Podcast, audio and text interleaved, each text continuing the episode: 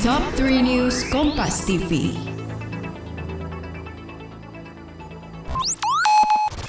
Apa iya definisi perempuan cantik itu hanya dari fisiknya semata? Yuk simak pengalaman para perempuan dalam pertama kali berhijab, penyitas perundungan, hingga pejuang jerawat hanya di podcast Semua Bisa Cantik. Persembahan Stylo Indonesia dan KG Media.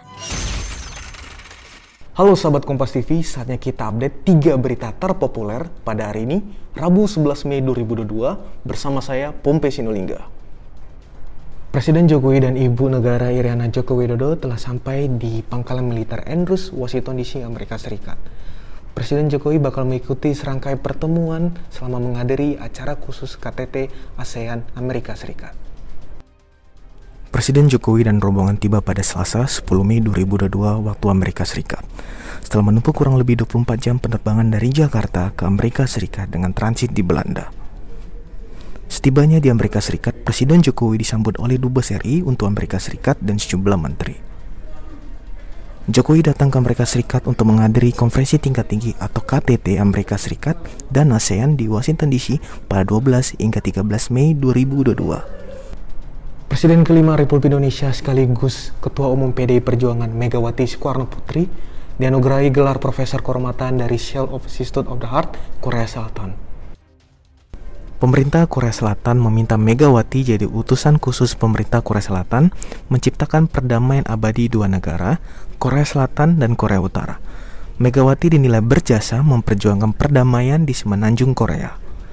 Melalui gelar ini, Megawati diharapkan terus mempromosikan diplomasi seni budaya dan ekonomi kreatif, juga menjamin pendidikan lebih baik melalui riset dan inovasi bagi dunia.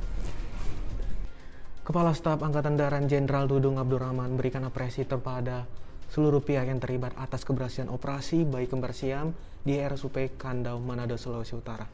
Kini bayi kembar siam bernama Joanna dan Jovelyn telah beraktivitas seperti pada anak kecil pada umumnya.